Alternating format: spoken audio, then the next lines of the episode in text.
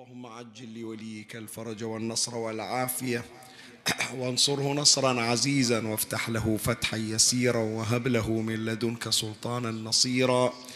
رب اشرح لي صدري ويسر لي أمري واحلل عقدة من لساني يفقه قولي. يا كاشف الكرب عن وجه أخيه الحسين.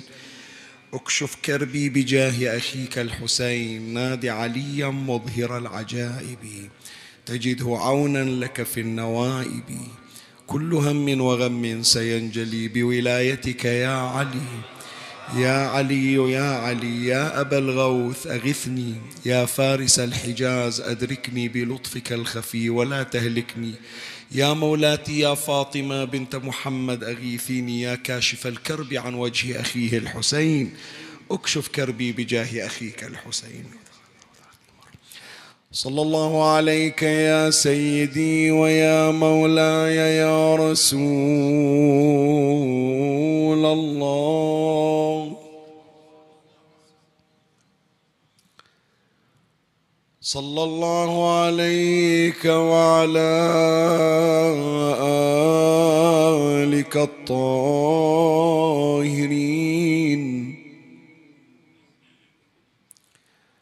فاز من اعتصم بكم وامنا من لجأ إليكم يا ليتنا كنا معكم سادتي. فنفوز فوزا عظيما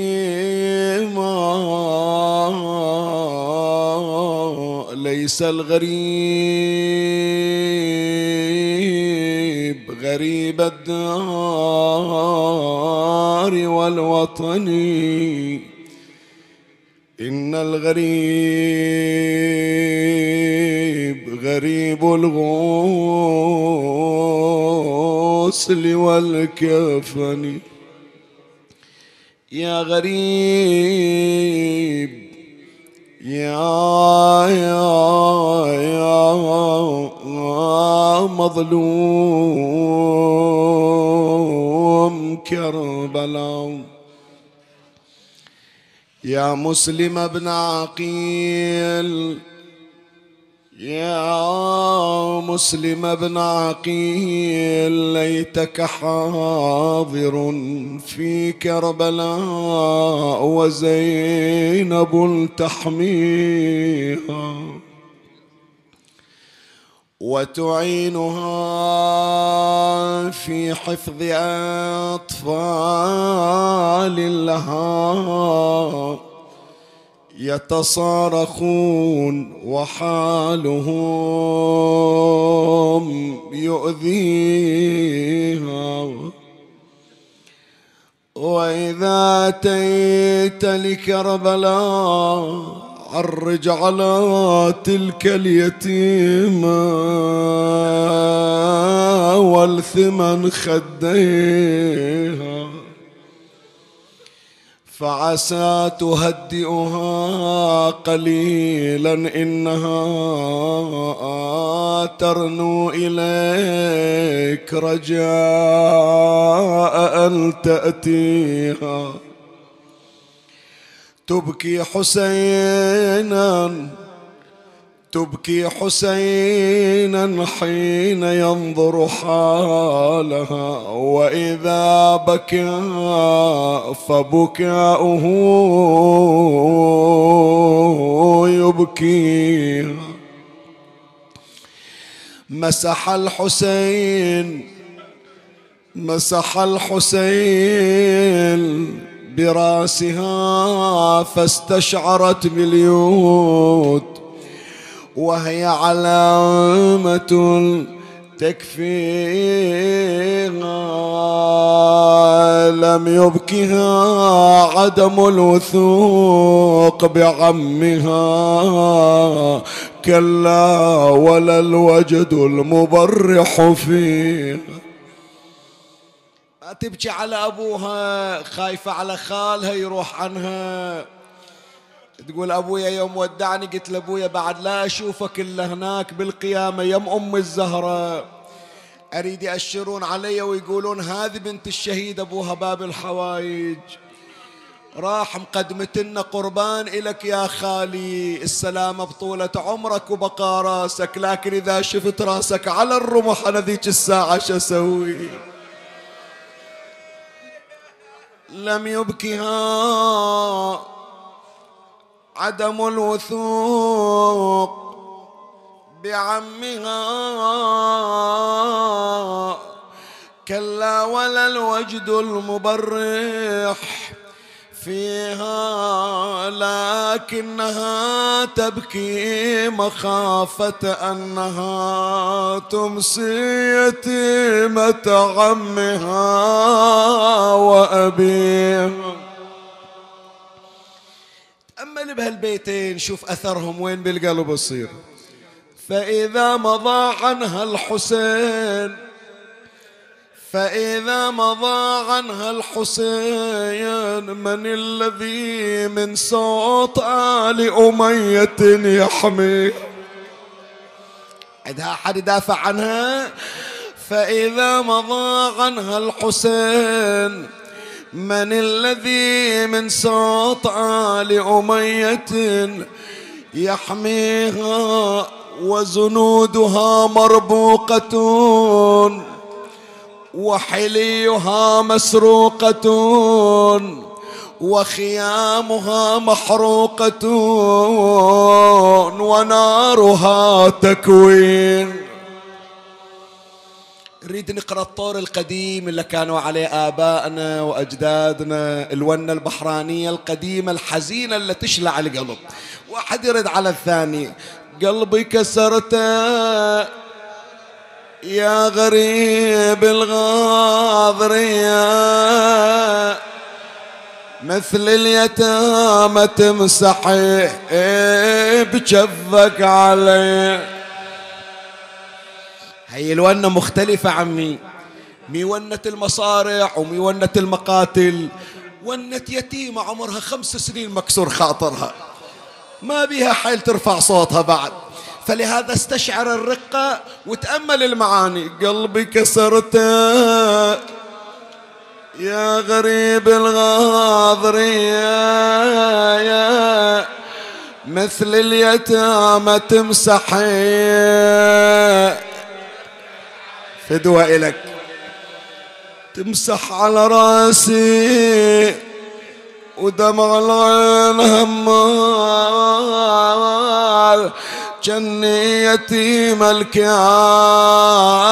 يلا من هالأحوال خالي كل مرة تبوسني على خدي هالمرة ليش تمسح على رأسي؟ ما عودتني بهالفعل. من قبل يا خال خليت دمعاتي على خدي جري. ويلي بمسحك على راسي تركت القلب ذويب. هذا يا خالي من على روح فدوى الهلونة هذه.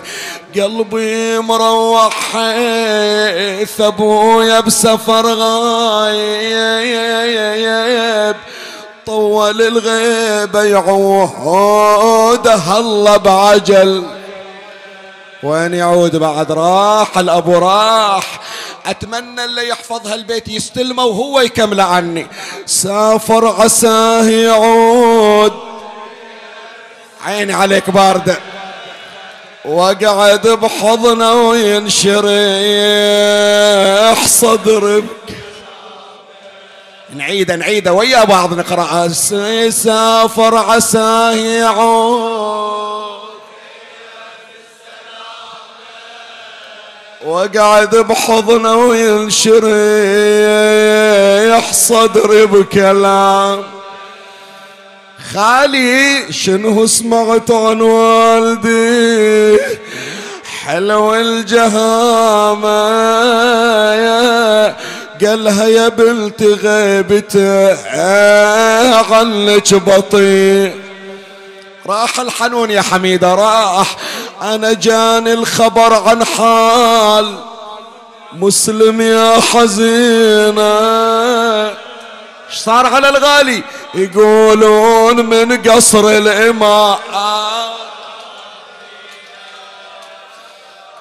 شوي شوي عليها أبو علي. شوي شوي عليها بعد بنية لا تذبحها. خفف عليها الأخبار. جاني الخبر عن حال مسلم يا حزينة. يا يقولون من الأسواق يقولون من قصر الإمارة ذاب. حميدة بالحبل بالأسواق جسمه يسحبونه. وين راس أبويا؟ وراس المشكر راح للطاغي هدي. زينب تعال شيليها. زينب شيليها ترى من أشوف دمعتها بتذبحني قبل يوم عاشر. شيليها على صدرك ووديها الخيمة. وطلعت من عندي تبكي أريدها تضحك عندك يا زينب. عمي وزينب مو أول طفل تشيله على صدرها. شالت أطفال. عمي إيش هالزينب هذه؟ إيش هالزينب؟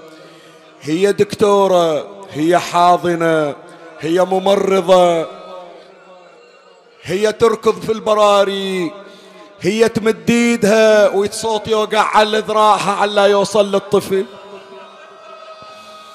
شالت حميدة على صدرها. اسمعني عمي قاسية الكلمة.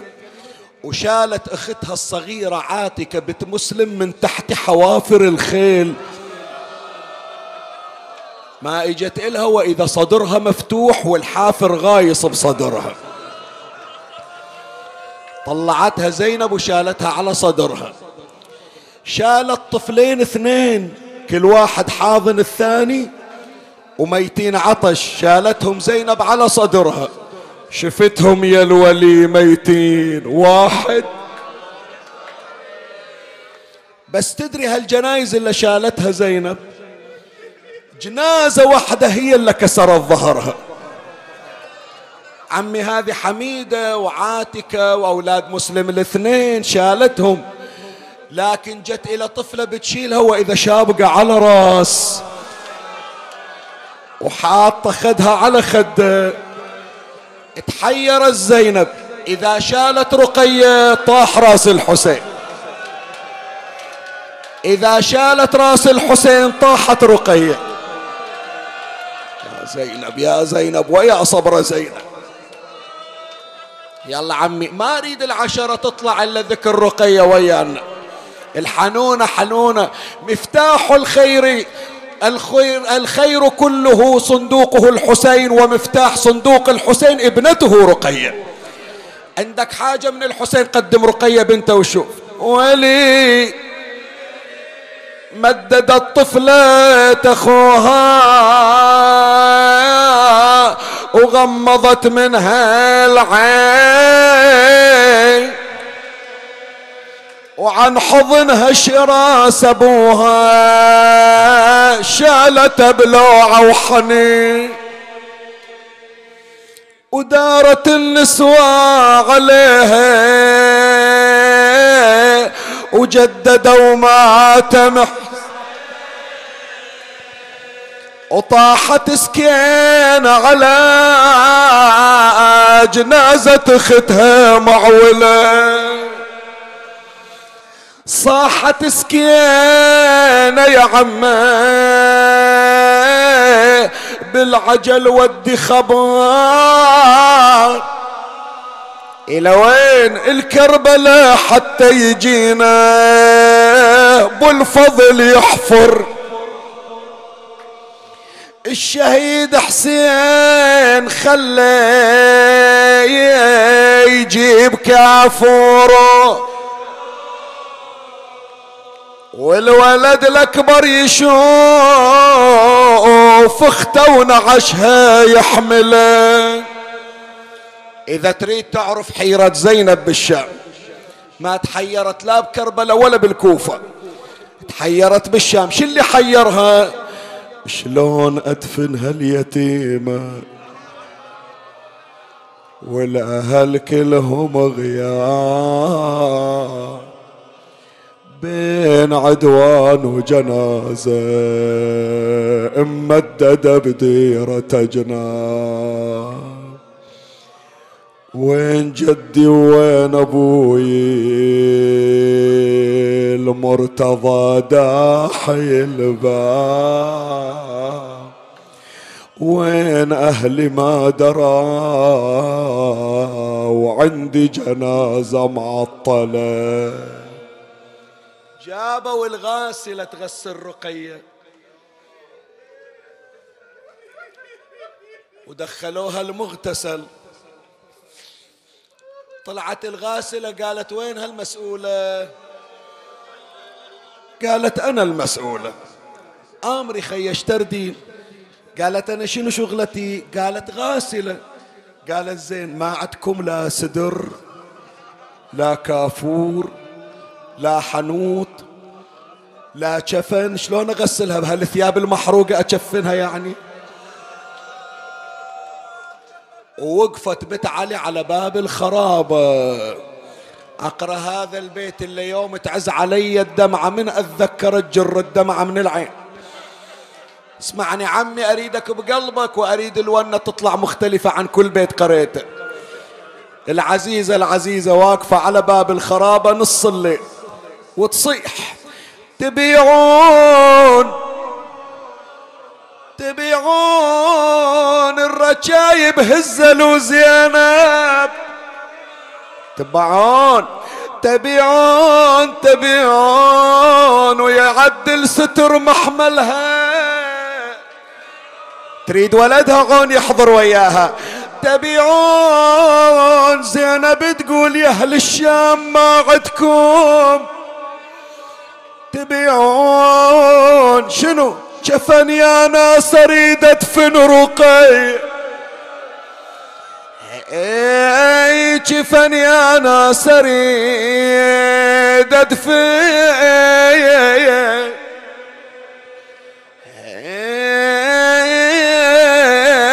رقي. إنا لله وإنا إليه راجعون. قال إمامنا جعفر بن محمد الصادق. صلوات الله وسلامه عليه. في كلام القبر كل يوم أنا روضة من رياض الجنة. هذه الفقرة التي اجتزأتها من حديث الإمام الباقر سلام الله عليه أو حديث الإمام الصادق سلام الله عليه. والذي أورد هذا الحديث العلامة المجلسي على الله مقام في بحار الأنوار في الجزء السادس صفحة 267 يشير إمامنا الصادق عليه السلام أن القبر له كلام بشكل يومي. كل يوم يتردد هذا الكلام من القبر. طبعا شنو معنى بأن القبر له كلام في كل يوم؟ مثل ما قال الإمام سلام الله عليه أن القبر ينادي في كل يوم. لو واحد يحط مسجل أو لو يجي مثلا يقعد عند القبر بسم الله عليكم ويحط إذنه عند القبر يريد يسمع هذا الصوت ما راح يسمع هذا الصوت. وإنما المراد من كلام القبر الذي أخبر عنه الإمام الصادق عليه السلام أنا روضة من رياض الجنة يعني عالم البرزخ ينادي كل يوم في أهل الدنيا أن عالم البرزخ روضة من رياض الجنة لمن أحسن ولمن كان يستحق النعيم. ما يحتاج نأكد كل مرة. الشخص الذي يأتي وهو مفلس ببضاعة خالية بضاعة غير مقبولة هذا قطعا راح يحصل الجانب السلبي. إحنا ليش ما تناولنا الجانبين؟ لا. إذا تتذكرون عنوان السلسلة شنو هي؟ عالم البرزخ العالم المفضل القادم. فإحنا جايين مركزين بالذات الأضواء على الجانب الإيجابي. ما جاي أبحث البرزخ بشكل كامل الجانب السلبي والجانب الإيجابي. لأنه غرضي من السلسلة أن أحبب القلوب إلى عالم البرزخ أو في عالم البرزخ. حتى يكون هناك عمل وتحصيل بود وبحب لا بخوف ولا برعب. والصورة السلبية اللي انزرعت في أذهان بعض أطفالنا وخاف أقول بأن هذه الصورة ترحلت معهم إلى أن كبروا. صارت أعمارهم أربعين سنة وخمسين سنة وإلى الآن عند انزعاج من ذكر القبر. مع العلم أنه إذا أكدنا على هذه الروايات الإيجابية راح هناك يكون انبعاث وتعلق بذلك العالم وتحضير بود. مرة واحد يجي مرغم للدراسة ومرة واحد يجي محب للدراسة. المرغم على الدراسة من يخلص من الامتحانات أخذ الكتب ومزقها. المحب للدراسة يحتفظ بدفاتر الابتدائية وهو جد يراويها إلى أحفاده. يقول هذا إنجازي وأحلى أيامي قضيتها في المدرسة. فإحنا جايين نأكد على الجانب الإيجابي. أخذت هذا الجزء من حديث الإمام الصادق عليه السلام أنا روضة من رياض الجنة عالم البرزخ يهيب بنا. يقول راح تجون إلى عالم مفضل عالم جميل عالم مليء بنعم وخيرات الجنة. سترونه وأنتم قبل أن تنتقلوا إلى عالم القيامة في عالم البرزخ. وهذه الصورة يا إخواني صورة من صور عدة من نعيم الجنة التي سنراها في عالم البرزخ. هذا اليوم سوف نتعرض إلى صور من نعيم عالم البرزخ. كيف أن عالم البرزخ هو جنة مصغرة قدمها الله تبارك وتعالى لنا. بسم الله عليكم من الشر الله يطيل بأعمار الجميع. كل منطقة بها مقبرة. تروح جنابك تمر على المقبرة أنت تشوفها تراب وفي أيام الصيف ما إلك خلق تروح. لكن إذا وقفت على المقبرة تذكر هذه العبارة. اقتطع الله جزءا من الجنة وجاء به عندك في بلدك. وخلاه قال بعد عمر طويل من تجي ما راح تقول وين أودي بيت اللي بنيته إلا بعد أدفع أقساطه وين أروح؟ ماكو خيرات ماكو إلا الدود والعقارب والحياة لا راح أوديك إلى قطعه من قطع الجنة. يحلم كل حي أن يكون قد تنعم فيها. فمن هنا عالم البرزخ ينادي ويهيب بالمؤمنين ويقول أنا روضة من رياض الجنة. ما هي صور النعيم التي سنراها في عالم البرزخ القادم؟ هذا ما سوف أشير إليه في بحث هذا اليوم إن شاء الله. في الحلقة الرابعة من سلسلة عالم البرزخ العالم المفضل القادم وعنوان البحث في هذا اليوم من النعيم في عالم البرزخ. والبحث يشتمل على فصول ثلاثة أمر عليها تباعا ومن الله أستمد العون والتوفيق ومن مولاي أبي الفضل العباس المدد ومنكم ألتمس الدعاء وثلاثا بأعلى الأصوات صلوا على محمد وآل محمد.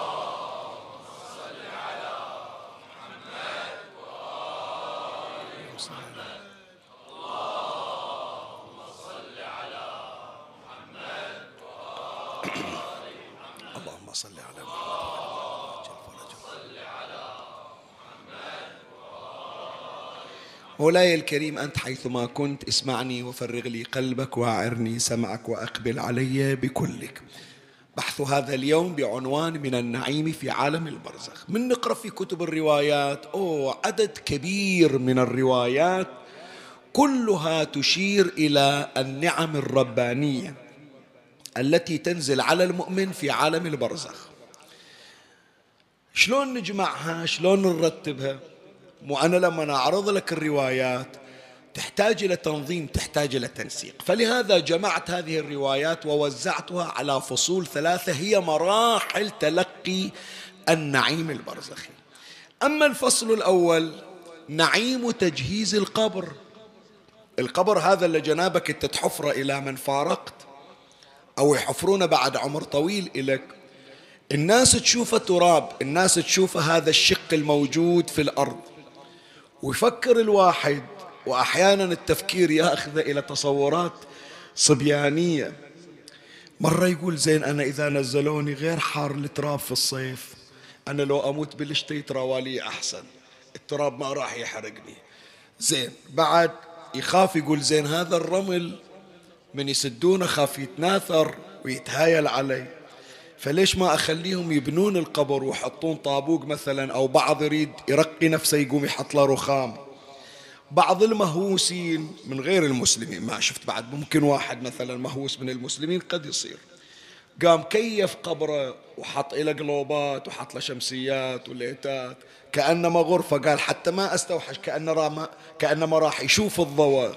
وراح يحس بالتكييف. لا عمي هذا القبر يعبرون عنه بالقبر الفقهي القبر اللي نحرفره إحنا.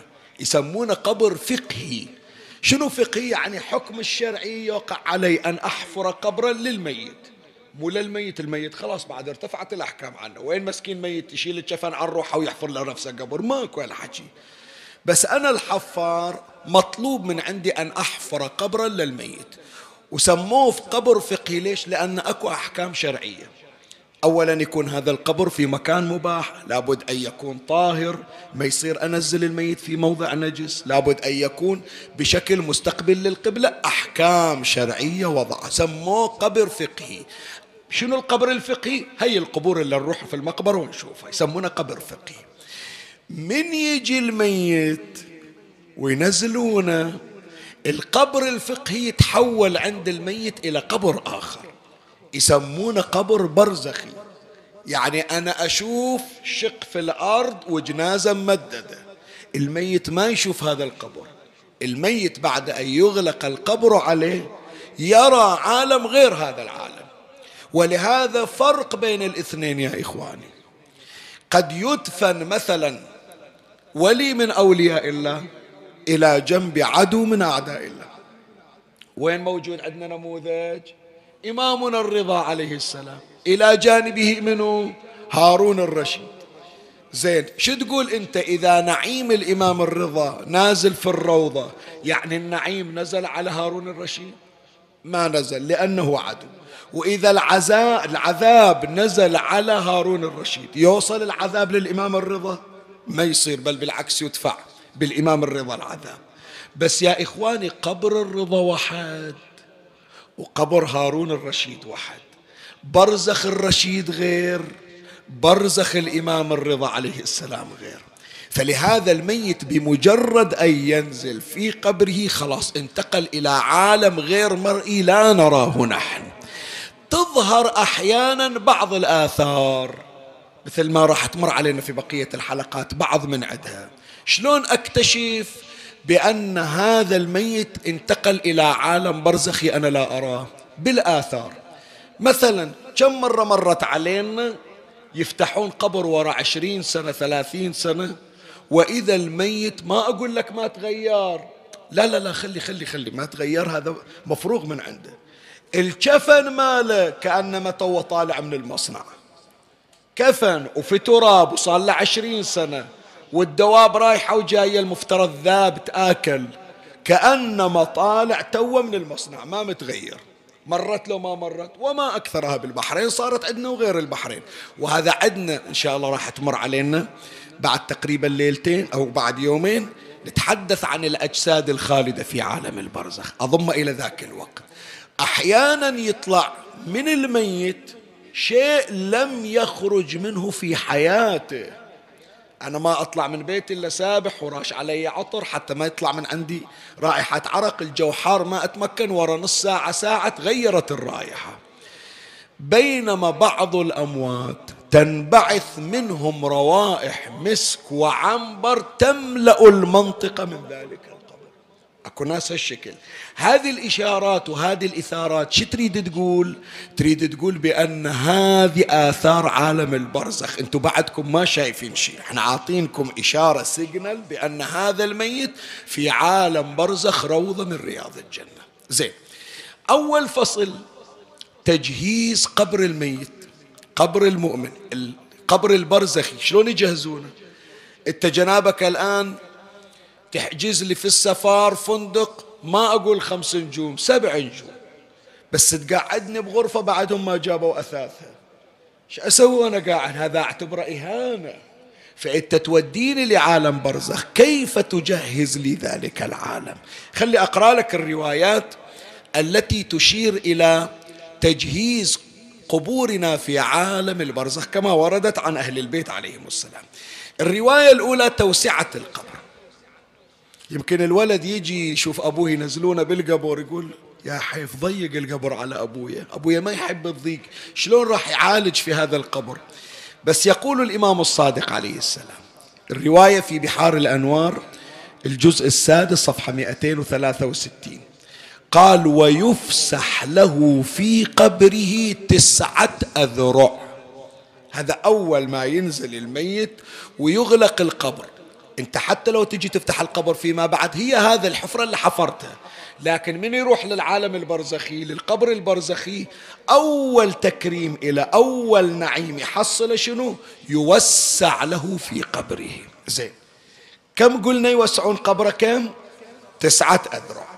تسعة أذرع حط حسابك وتذكر هالكلمة. مو كل واحد من المؤمنين إلى تسعة أذرع. لا. هذا البداية أول النعيم. كل مؤمن يتمدد القبر ينمغط يصير متوسع بمقدار تسعة أذرع. يجي واحد عنده أعمال فيضاعف الله تبارك وتعالى له في سعة الأذرع. بعض الروايات تقول بأن بعض المؤمنين يتسع قبره ميلا في ميل. الميل إيش كم؟ ثلاثة كيلو شوية ثلاثة كيلو قول أربعة كيلو بأربعة كيلو. سعة القبر البرزخي إلا عنده. بعض الأعمال يا إخواني توسع في, توسع في القبر بحيث تصير سعة القبر عرض المشرق والمغرب. بذاك العالم اللي إحنا ما نشوفه. الآن تقول لي شيخنا شنو الأعمال اللي توسع القبور؟ هذا بحث مستقل يمكن إحنا تعرضنا إليه. هذا إن شاء الله أوفق يمكن في مجالس أخرى ورا موسم محرم. ما هي الأعمال التي توسع لنا في قبرنا؟ فأول نعيم من نعيم عالم البرزخ للمؤمن أنه يوسع في قبره مقدار تسعة أذرع. طيب شو أسوي شيخنا بقصر ساكن فيه أثاث ما فيه. أنام على شنو؟ خليتني بقصر ألف بألف. فراش ما عندي. أنام القاع شوف بماذا يؤثث قبر المؤمن. الرواية في بحار الأنوار الجزء السادس صفحة 264 عن الإمام الصادق عليه السلام. يذكر إذا إجوا الملكان للمؤمن لمساءلته. قال فيقعدانه. يعني يقعدون المؤمن من قبره. فيقعدانه ويسألانه فيقولون من ربك؟ فيقول الله. فيقولان ما دينك؟ فيقول الإسلام. فيقولان من نبيك؟ فيقول محمد صلى الله عليه وآله.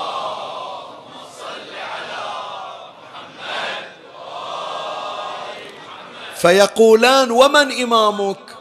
الإمام سلام الله عليه الإمام الصادق في الرواية يقول فيقول فلان. ليش قال الإمام الصادق عليه السلام فلان؟ لأن قد أكو مؤمن مات في زمن أمير المؤمنين فيحكي عن إمام الحي. يقول إمام اللي طلعت من الدنيا الإمام علي إمام اللي طلعت من الدنيا الإمام الباقر إمام اللي طلعت من الدنيا الإمام الرضا. فالإمام الحالي إحنا الآن ندين بالأئمة تماما فلهذا نعدد أئمتنا. منو إمامك إلا طلعت وأنت معتقد بإمامتك؟ إمامنا صاحب العصر والزمان. عجل الله فرجه الشريف. زين عقب ما سألوا الميت. شوف شي يقولون الملائكة له قال فينادي مناد من السماء صدق عبدي افرشوا له قبره من الجنة. نزلوا أثاثة من الجنة. شنو من فراش حاطين له في قصره في الجنة؟ جيبوا له فراش من الجنة. جيبوا له خزانة من الجنة. جيبوا له أواني من الجنة. فيؤثث قبره من أثاث الجنة.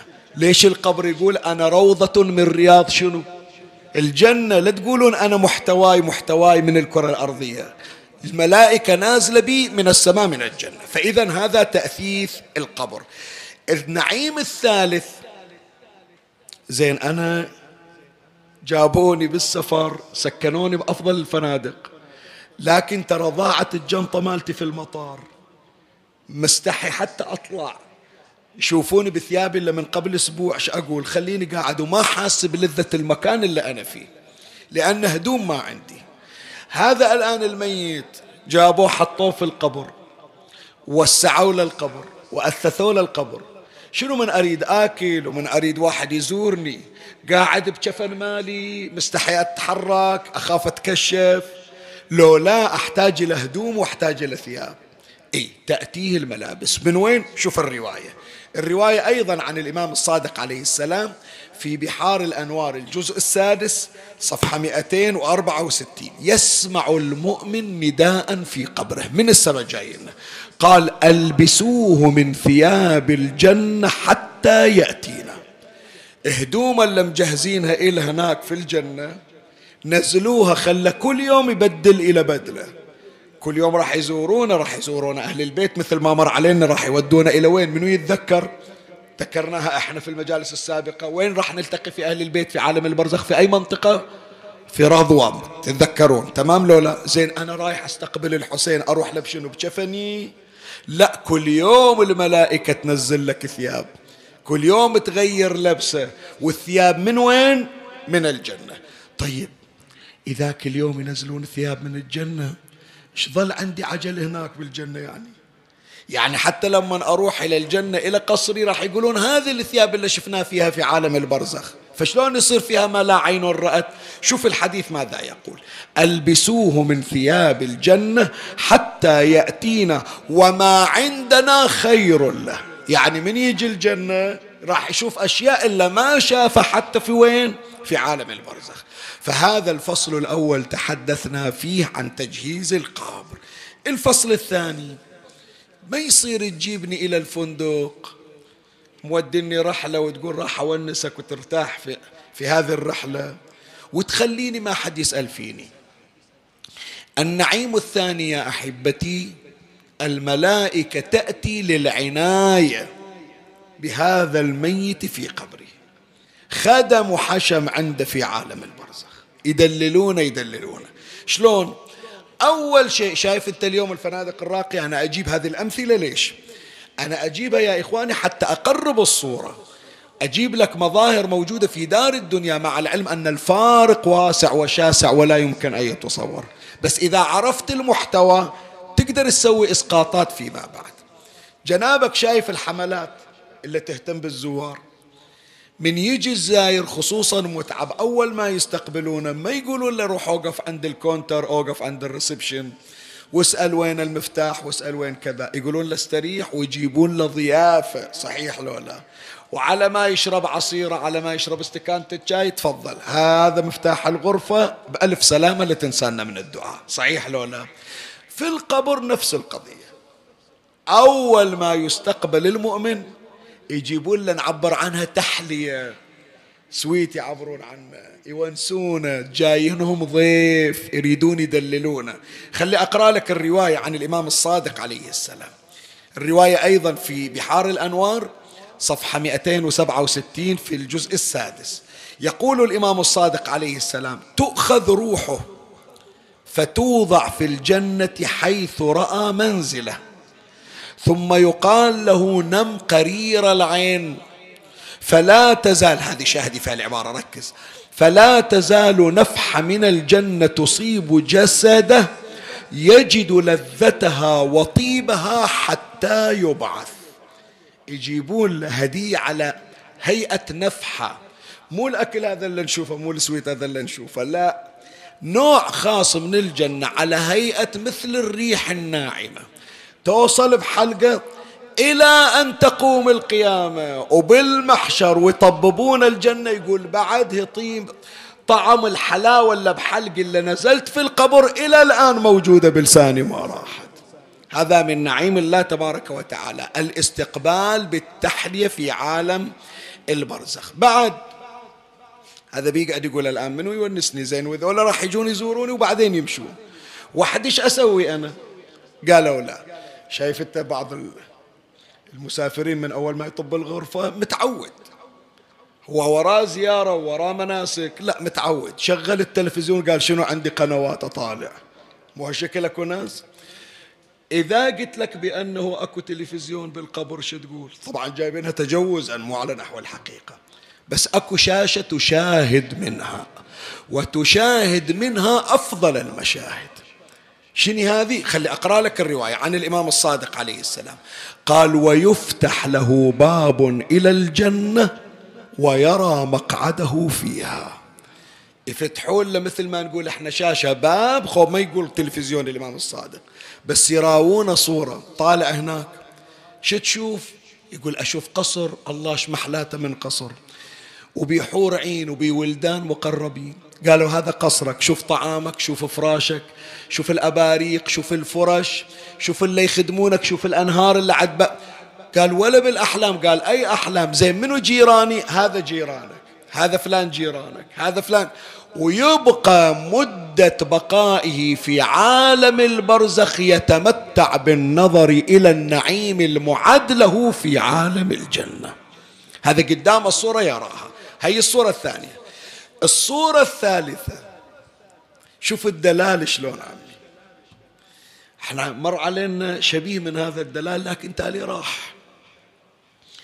لو تسأل عن أحلى أيامنا يا إخواني تعرفون شنو؟ أحيا أحلى أيامنا اللي ما نتذكرها اللي راحت. يوم كانت الأم تدللنا ما ننام إلا بحضنها وما تغمض عيننا إلا إذا سمعناها تلولي علينا. هذه بعد صرنا نحن إلها الآن يوم كبرت أمي ما تعرف تحط راسي بحضنها. ولا تنيمني مثل ما أنا كنت أنام بحضنها يوم أنا طفل. مع العلم يا إخواني الواحد إذا مر عليه ضيق يقول يا ريت أمي تأخذني بحضنها. يما خذيني بحضنك شوية حتى أنسى همومي. إذا قلت لك بأن الملائكة تنيمك أحلى مما تنيمك أمك. شوف التدليل الملائكي. إجت عندنا في نومة أهل البرزخ. شلون ينامون؟ ومنو ينيمهم؟ أولا الملائكة. تجي تقعد عند راسه. ويدعون له مثل ما نقول إحنا الدليلو للتهويدة ما سامع التهويدة؟ شلون الأم تهود على ولدها؟ الملائكة كأنما تهود على هذا المؤمن. الإمام الصادق يقول يقولون له نم أنام الله عينك شوية غمض عينك ارتاح حتى جاي تعبان من هم الدنيا. يدعون له نم أنام الله عينك يريد يسمع بعدين تهويدة ثانية. خلي الصورة قدامك هذه واستشعر لذتها. يقولون له نوم نومة لا حلم فيها.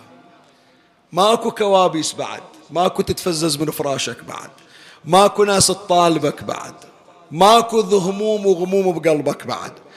تنام أحلى الأحلام سوف تراها شوف العبارة الثالثة التي تأتي وهذه تواردت وتكاثرت كثيرا في الروايات. شو تقول للملائكة؟ نم نومة العروس قرير العين. ليش يضربون المثل بنومة العروس؟ عمي كل فتاة تتمنى فارس أحلامها.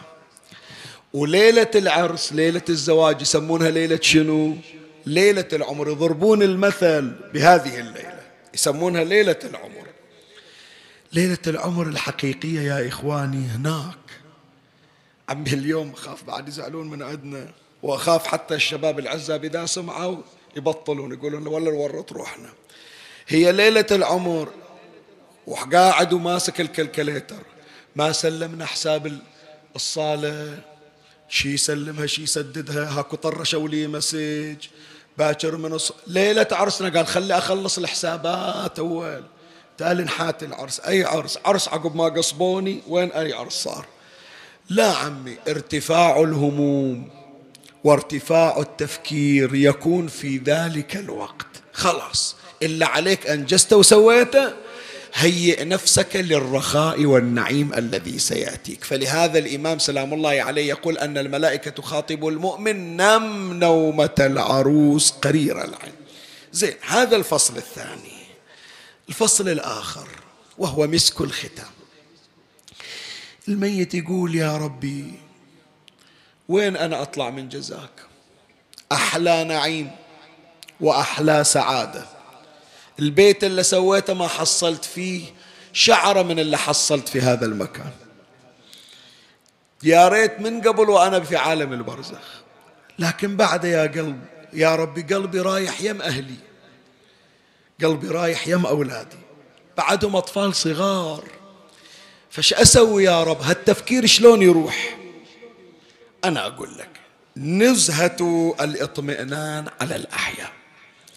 أكو ملائكة بس ويا هذا المؤمن. من يشتاق إلى أحبائه ياخذونه برسم الخدمة. وين تحب تروح؟ يقول والله أريد أروح أشوف خواتي. أريد أروح أشوف زوجتي مرتي. أريد أشوف عيالي أصدقائي شلون وضعهم؟ قالوا إحنا مكان ما تريد نوديك. زين هذا من النعيم يمكن أهم فقرة اللي أريد أختم فيها. عمي إحنا أيامنا كلها سعيدة. إن شاء الله الله يجعل أيامنا كلها سعيدة. بس مرة يا عمي مرة يصير عندي ولد مريض ومرة علي دين ومرة نازل مسوي حادث والسيارة مدعومة وموقفينها عند الباب. مو دائما الدنيا فيها تقلبات فيها تقلبات يا أخي. الأنبياء مرت عليهم التقلبات. نبي الله أيوب ثمان سنوات ألم وراء ألم ومع ذلك هو صابر. أهل البيت كم مرت عليهم من آلام. لكن من النعيم الذي يمر على المؤمن أنه الملائكة توديه إلى زيارة الأحياء متى إذا كانوا أهل البيت في حالة سعادة إذا كانوا في حالة ألم ما يودونه ليش؟ يجيبون إلى نعم من الجنة ينشغل بها يودون إلى واحد. أريد أشوف أولادي راح نوديك إن شاء الله. بس أكو واحد من المؤمنين مشتاق يشوفك. أكو واحد من أصدقائك مشتاق يشوفك. أكو واحد مثلا كذا من أقربائك راح نوديك تشوفه. راح نوديك إلى تجمع الزائرين في كربلاء. يخلونه يلتهي عن اللي كان طالب يشوفهم. فإذا مر على الأحياء وقت هم سعداء فيه ذيك الساعة ياخذونه يقولوا له تعال غير أنت تريد تشوفهم اليوم نوديك. فيجيهم في أحلى أوقاتهم. يقول الحمد لله طلعت عنهم وهم بخير والحمد لله أمورهم مستقرة ومرتبة. فمن نعيم المؤمن يا إخواني أنه كلما مرت فرحة على أهله وأحبائه ينقل المؤمن إليهم ليرى فرحتهم فيسر بذلك. وبالعكس منه الشخص المنحرف. الشخص المنحرف يودونه وقت الإساءة. وقت اللي الأحياء متأذين. يقولون له شوف عمايلك ترى أنت من اللقمة الحرام اللي أكلتها يا أولادك كل يوم طابين بمشكلة. تسوى عليك فيكون كأنما تعذيب له فإذا حالتين عندنا حالة إيجابية حالة سلبية. أذكر لك الحالة الإيجابية. يرويها الإمام الصادق عليه السلام في بحار الأنوار الجزء 58 صفحة 52 قال إن المؤمن ليزور أهله. حط بالك. إن المؤمن ليزور أهله. فيرى ما يحب ويستر عنه ما يكره. من هنا قبل الختام إخواني توصية. يوم من الأيام نتجمع إحنا العائلة. عندنا يوم زوارة يوم جمعة يوم سبت يوم إجازة. قعدنا أمنا جابت لنا سالفة. تونسنا ذاك اليوم الأطفال فرحانين سوينا لهم فعالية. والم يوم مولد يوم غدير يوم ناصفة. الأطفال مستانسين الكل فرحان. ذيك الساعة يا إخواني اذكروا الموتى. وترحموا عليهم وقروا لهم فاتحة. وصلت الرسالة لو لا؟ انت يوم اللي تقعد بالبيت وتشوف نفسك ويا العائلة فرحانين. ترى اعلم بأن هذا الفرح والسرور الملائكة تروح تخبر منه؟ الميت في القبر. يقولوا له ترى أهلك فرحانين مستانسين مسوين قارين مولد. اليوم الأطفال متجمعين كلهم إجاوا كانوا يجون مفرقين اليوم كلهم متلايمين جايين. يطلعون روح المرحوم يطلعون روح المرحومة يوقفونها عند البيت. شوفي يا روح المرحومة شوفي يا روح المرحوم ترى أنتم بعملكم الطيب أهلكم بخير. ها أوقف وطالع. فيراهم ويفرح ويسعد ويرجع إلى مقره فرحا مستبشرا. من هنا أقول إذا رأينا الفرح والسرور نذكر الأموات ونترحم عليهم. اتجنب أنه تجيب ذكر واحد في الغيبة. اتجنب تذكر واحد بالنميمة لأن روح الميت حاضرة خاف تتأذى. ليش جايبين هالسالفة؟ اذكروا الأموات وترحموا عليهم واقرأوا لهم الفاتحة. هذا اللي ينفعهم لأنه يزيد سرورهم سرورا. فإذا الأموات تمر عليهم صور عديدة من النعيم. ومن صور النعيم أن المؤمن لا يرى ما يكره في من يحب. عند واحد مريض ما يطلعون المؤمن من قبره ويقولون له من راويك ولدك ترى مسوي حادث ومرقدينه بالمستشفى. لا يصير تعذيب إلى روح المؤمن. يخلونه في صحة وعافية وطرشون على المؤمن تعال شوف ابنك. اليوم جايبين له ولد تعال شوف ابنتك اليوم متزوجة. تعال شوف بنتك الصغيرة اليوم تخرجت متفوقة والكل فرحان إلها. إلا أهل البيت. إي والله. إلا أهل البيت. أرواحهم حتى في البرزخ. تشرف على من تحب. سواء من أهلهم أو من شيعتهم. أنت لبالك يعني يوم اللي يتكدر خاطرك. الحسين ما يتكدر عليك. إذا يوم من الأيام شايل هم بقلبك. أمير المؤمنين ما يتأذى عليك. الحسين عليه السلام في الروايات عينه على شيعته وزواره والباكين عليه وعلى المقيمين العزاء عليه والحسين حنون يا جماعة. الحسين عنده حنان من حنان الله بل الحسين هو مظهر الحنان الإلهي. حسين من حنانة إذا شافك وإنت تبكي يقول إيش هالشي على الله عاطني إياه على الهموم اللي بقلبهم من يحضرون بالحسينية نسوا كل شيء وتذكروا مصابي. اللي عايش وياهم أنا بذاك الزمن خلوني غريب بلا ناصر ولا معين. وهذول كل واحد المديون مديون واللي عنده مريض واللي عنده أسير واللي شايل هم لكن قال شنو همي أمام أبي الهموم الحسين؟ فحنان الحسين عليك يرد لك هذا الجميل. يقول لك والله ما تطلع من الحسينية إلا حاجتك مقضية. أقرأ لك هذا الحديث والله من الرزق الغير محتسب ما حاسب ولا كاتب. لكن هو بعد فرض وجوده مولاي عندنا يقول حسين عليه السلام قتلت مكروبا. شنو يعني قتلت مكروبا؟ فكر فيها. يعني ما قتلوني إلا عقب ما كسروا ظهري على أخوي. ما قتلوني إلا عقب ما فتوا قلبي على وليدي. قتلت فلهذا يسمونه أسير الكربات. السلام على أسير الكربات وقتيل العبرات. يقول قتلت مكروبا. وحقيق على الله. اسمعني. ألا يزورني مكروب إلا وأرجعه إلى أهله فرحا مسرورا. وين رايح؟ رايح الماتم. ما سمعت البارحة؟ قال ما أعرف أسمع صوت القراية وأخلي ماتم الحسين. يقول لك الحسين ما نسيتني. جاي عندي. خليت همومك وجيت عندي. ما تطلع إلا مطيب خاطرك. هذه قلوب أهل البيت وهذا حنان أهل البيت. فلهذا هم دائما أرواحهم تمر عليها مآسي شيعتهم آلام شيعتهم أحزان شيعتهم. وخصوصا إذا كانوا من أهلهم. فلهذا تعرف صاحب هذا اليوم باب الحوائج مسلم بن عقيل. يقول له طوع كلمة من أقول لك تذكر الرواية اللي قريتها لك لو لا المؤمن لا يرى ما يكره في من يحب يراون اللي يفرح.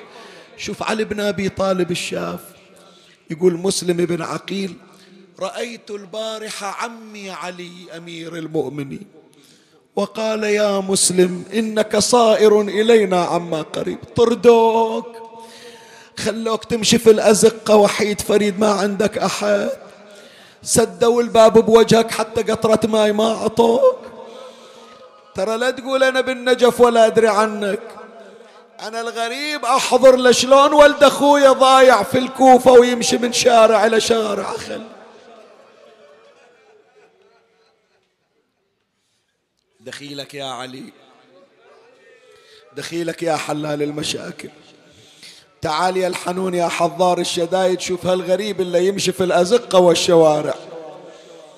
كلما مر على باب صفقوا الباب في وجهه. يأشرون عليه يقولوا له روح لجينا زين قطرة ما يريد قالوا ماكو ماي امشي. وصار يتلدد هكذا النص الروائي. يتلدد شنو يعني يتلدد يعني يمشي ويتلفت يمين وشمال. يخاف واحد يطلع له يخاف واحد ينقض عليه. يقولون يمشي متلددا ويمشي من المغرب إلى نص الليل في الأزقة والطرقات الزمن جابه الحظ والبخت جابه دخل في زقاق ما يخرج نهايته باب. من التعب خلاص بعد ما قدر يتحرك. قعد على الأرض حط راسه على الجدار. شوية وإذا تلقائيا طلعت من عنده. حسين أبو علي يا بعد قلبي أنت. مرسل لك رسالة أقول لك تعال رتبت لك الكوفة ما أدري راح يغدرون بي. الآن يا أبو علي أنا وحدي ومتحير من طريق إلى طريق. أنت تجي وياك زينب وين توديها؟ أنت تجي وياك أطفال وين توديهم يا حسين؟ يا ريتني ما كاتب لك رسالة وقايل لك تعال يا أبو علي لو أدري والله ما أودي لك قامت دموعه تسيل على خده ويجر الونة ونة الغريب. الله لا يخليك بغربة. ونة الحيران الله لا يحير قلبك. بجاه باب الحوايج مسلم بن عقيل. قام يون وتعرف الصوت بالليل. ينتشر الناس نايمة. أكو جارية مرت يم الباب. سمعت واحد يون. فتحت الباب شافت هذا قاعد بالزقاق والدنيا ظلمة. راحت إلى سيدتها امرأة فاضلة اسمها طوعة. موالية محبة لأهل البيت. قالت مولاتي قوم شوف إيش صاير عندنا نص الليل. إيش صاير؟ قالت ما فتحت الباب وإذا واحد قاعد. وكنا ولد شباب. ووين؟ ما أدري مطعون ما أدري مجروح. ما أدري قلبه مكسور. ما حكيت وياه. قالت وخري وخري أنا أروح إلى إجت طوعة فتحت الباب. ما فتحت الباب وإذا عمامة خضراء. لبس السادة هذا. جاب عندنا الزقاق؟ ما بي سادة ذولا. كلهم أقاربنا ونعرفهم من وين جاي هذا؟ وش قاعد يسوي عندنا التفتت إلى صاحت عبد الله ما لي جلوسك عند باب داري. خاف مضيع. ترى هذا زقاقنا وأهلنا ما عندك أحد هنا تعرفه. إيش قال؟ شال راسه قال عطشان. من الظهر أنا أطلع في الشوارع ما حد سقاني قطرة ماء. إيه عمي هالكلمة كسرت خاطرك مو؟ يا أدري هي دمعة على مسلم لكن ذكرك بواحد ثاني. هو مسلم قال عطشان وسكت ما قال غيرها. بس اكو عطشان ثاني صاح تفتتت كبدي يا أبا عبد الله. عطشان يا أبو علي عطشان. تعال شوف شيعتك عمي شوف شيعتك يا أبا عبد الله. دموعها تسيل عليك ترويك من دموعها يا حسين. اسقيني شربة من الماء. إي طلبت حقك الآن أجيب لك الماء من عيني وتتدلل. طبت طوعة طلعت قدح فيه ماء قالت ما أوقف على راسه خاف يتضايق. خلت القدح على الباب سدت الباب قالت ورا شوية أجي. شرب ماي ومشى إجت بعد قليل فتحت الباب. وإذا هذا القدح فاضي قالت إذا شرب الماء ومشى مدت إيدها وإذا الولد بعد قاعد ما تحرك. قالت يا عبد الله شربت الماء. والله جزاك الله خير الجزاء. قالت إذا ما لي جلوسك عند باب داري إيش قاعد تسوي؟ شربت ماي طلبت الماي عطيتك. تقوم روح. وين يروح عمي؟ عند بيت يروح إلى عند أهل عند مأوى عند ملجأ. الزمن مقلوب عليه وين يروح؟ حكت وياه بمنطق الأمومة. تقول له يا ولدي أنت بعدك شباب. ويمكن أمك موجودة وأنا أم وأدري وهذه الأم ما تنام ولدها برا البيت. روح إلى البيت هناك خاف أمك وأبوك ينتظرونك. ويمكن متزوج وعندك بنية صغيرة. ترى البنية الصغيرة ما تعرف تنام إلا بحضن أبوها. يا الله. دموع تسيل ما يحكي. المرة الثالثة حكت حكاية مثل الطعنة بقلب مسلم. قالت يا عبد الله طلبت الماء فسقيناك ولا أحل لك الجلوس على باب داري حرام لا تقعد قوم. شي يقول لها؟ ما حكى. شوف عمي الآن هذه اطلب مرادك بيها. شال راسه وتوجه صوب حلال المشاكل علي بن نجف قال له وينك يا أبا الغوث؟ وينك يا علي؟ تعال شوف أولادك يطردونهم من على الأبواب. آه. يلا عمي نياحة كلنا نتساعد. يا ليت شربت الماي.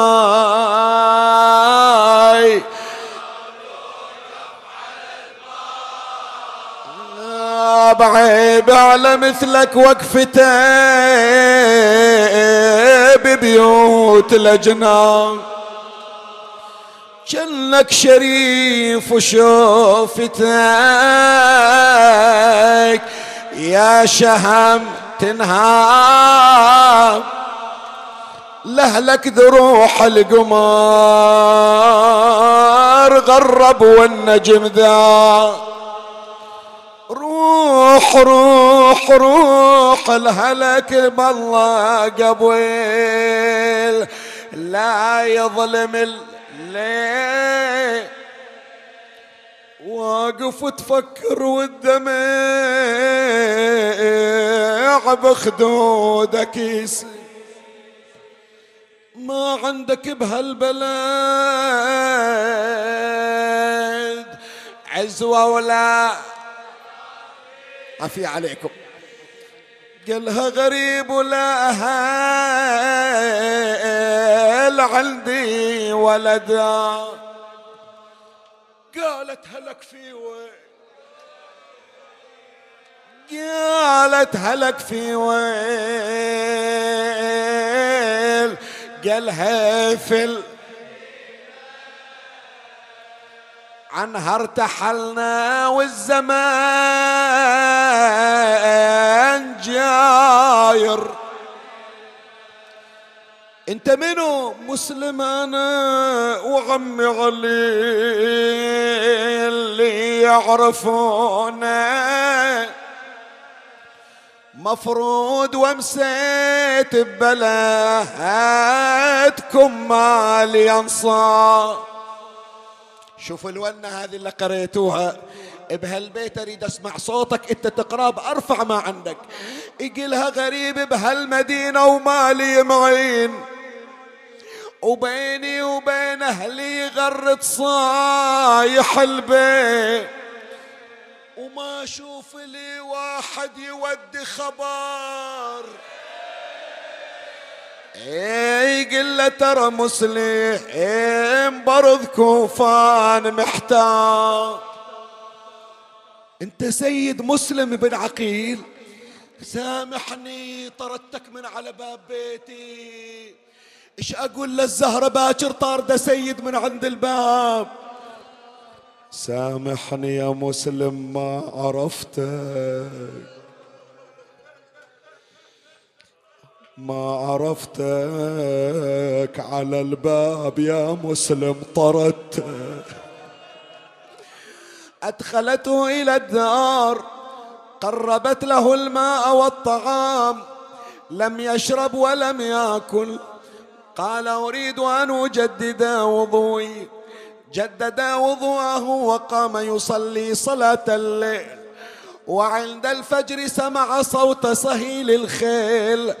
وقعقعت النجوم. فقام مسلم كأنه علي بن أبي طالب في بطولته. اقتلع باب المنزل خرج مصلتا سيفا. أقسمت لا أقتل إلا حرا. ولو رأيت الموت شيئا نكرا. أخاف أن أخدع أو أغرى رد شعاع الشمس فاستقر. أقبلوا يتقاتلون يريدون ذبح مسلم بن عقيل. حاصروه في أزقة الكوفة. صعدت النساء والرجال على سطوح المنازل. أخذوا يرمونه بالحجارة. ويغلون الماء الحار ويسكبونه على راسه. هذه تحتاج صرخة أعلى. أضرموا النار في القصاب رموها على راس مسلم. ولما أعياهم أمر احتفروا له حفيرا. غطوها بالدغل والتراب يا حسين. ادرك ابن عمك يا حسين أقبل مسلم يطاردهم فوقع في تلك الحفيرة. لا تفتر لا تفتر الصيحة أعلى. نزل إليه محمد بن الأشعث ضربه بالسيف على وجهه.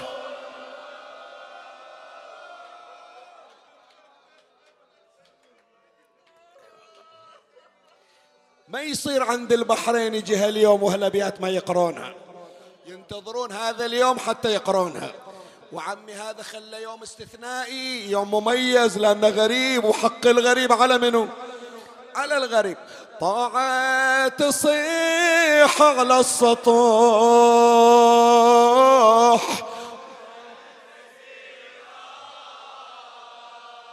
ريتك حضرت تشوف يا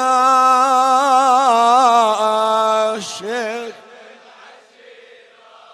داخل وبرا أريد إلا برا صوتهم يوصل عندي قبل القاعدين.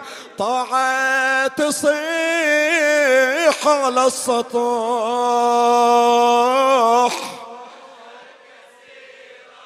هكذا. ليتك حضرت تشوف يا شيخ إيش صاير يا طوعة بن عمك الموثوق؟ طايح. قادوا مثل الطير مكسور صاحت يا مسلم واعظمها خجلتي فيك شبيدي وأنا حرمة وضعيفة ما أقدر احميك ولا يتركونك كانفت قلبي. وداويك كان سلمت من كيدهم سلم. بطور آبائنا وأجدادنا القديم. قال لها يا طاع اليوم ما عفي عليكم. أوصيك كان بهالبلد طبوا. قولي لهم مسلم يبا. شوف الحنون يفكر بأولاده. واجرك على الله والنبي السيد. تجيكم يا طاعة مخدرة حيدر. إن شاء الله في الهودج الأخضر بتجي زينب. إن شاء الله راية أبو فاضل ترفرف عليها. شلون بتجينا العزيزة الغالية بنت الزهرة؟ قال أي هودج حرقوا هودجها. تجيكم يا طاعة مخدرة حيدر على كور. جني أشوف أنهاب وسط الديرة الدور حسرة على اللاقى وراس حسين. مشهور وتدخل على ابن زياد زينب والنساوي. متى متى بتجينا؟ حتى نأدي حقها. جيتهم الكوفة ترى ما هي بعيدة. تشوفين وياهم علي يرفل بقيده. طوعة زور اليتامى وقبلي بنتي. حميدة وخلفي على زينب يا طوعة والنساوي. بنتك بتجي؟ بنتك الغالية المدللة بتجينا؟ قال أريدك تروحين إلها وتسلمين عليها هي المدللة عندي. قالت يا مسلم أربعين طفل وطفلة. شلون أعرفها؟ أمشي على واحدة واحدة وأسايلها أنت مني. قال لا لا طوع راح أعطيك علامة. بس تشوفين العلامة بتعرفين هذه حميدة. شنو العلامة؟ أقرأ هالبيت اللي عنده بنية الله يبلغه ويشوفها عرسة وجايبة أولاد والما عنده ذرية الله يرزق الذرية الصالحة. اسمع شي يقول مسلم يوصف بنته حميدة إلى طوعة. لردت يا طاعة تعرفيها وبتعمل المعروف فيها. شو أسوي؟ جيبي حجاب وستري. ما أعطيتني مهلة. تقول لها هي سيدة علوية شلون ما عليها حجاب؟ جيبي حجاب وستريها. ترى هي طاعة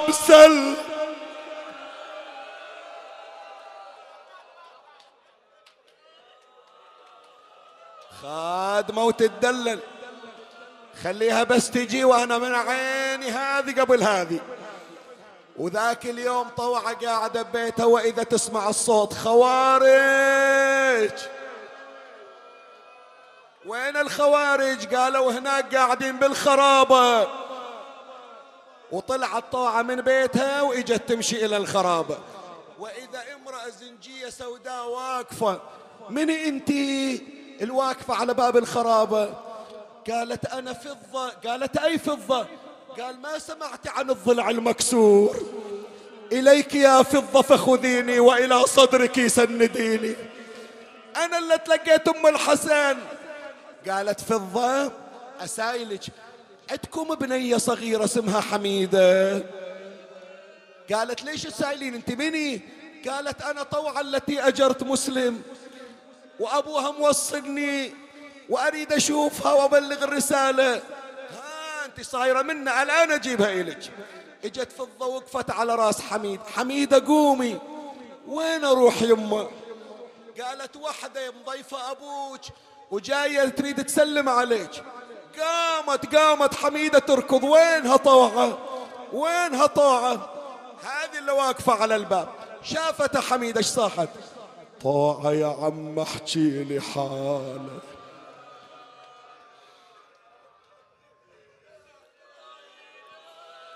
لزم قلبك شوية خلي أعرف أقرأ لك. البيت اللي جاي عمي تهتز له السماوات. إذا ما الآن ما تعطيني فرصة شلون أكمل لك؟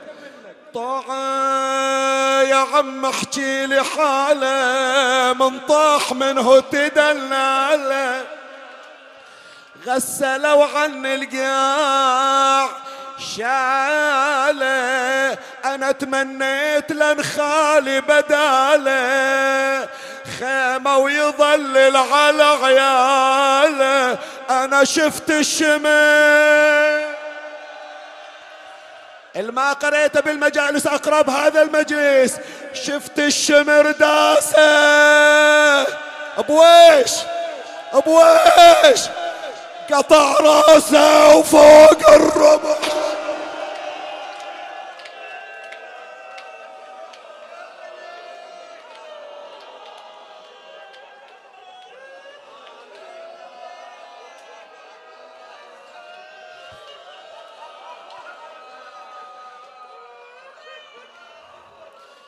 يا جابر العظم الكسير اجبر قلب إمامنا الكسير وامسح على قلب إمامنا صاحب الزمان واقض حوائجنا ببركة حزنه على جده ترحم على أمواتنا وأموات المؤمنين والمؤمنات وبلغهم ثواب الفاتحة. مع الصلاة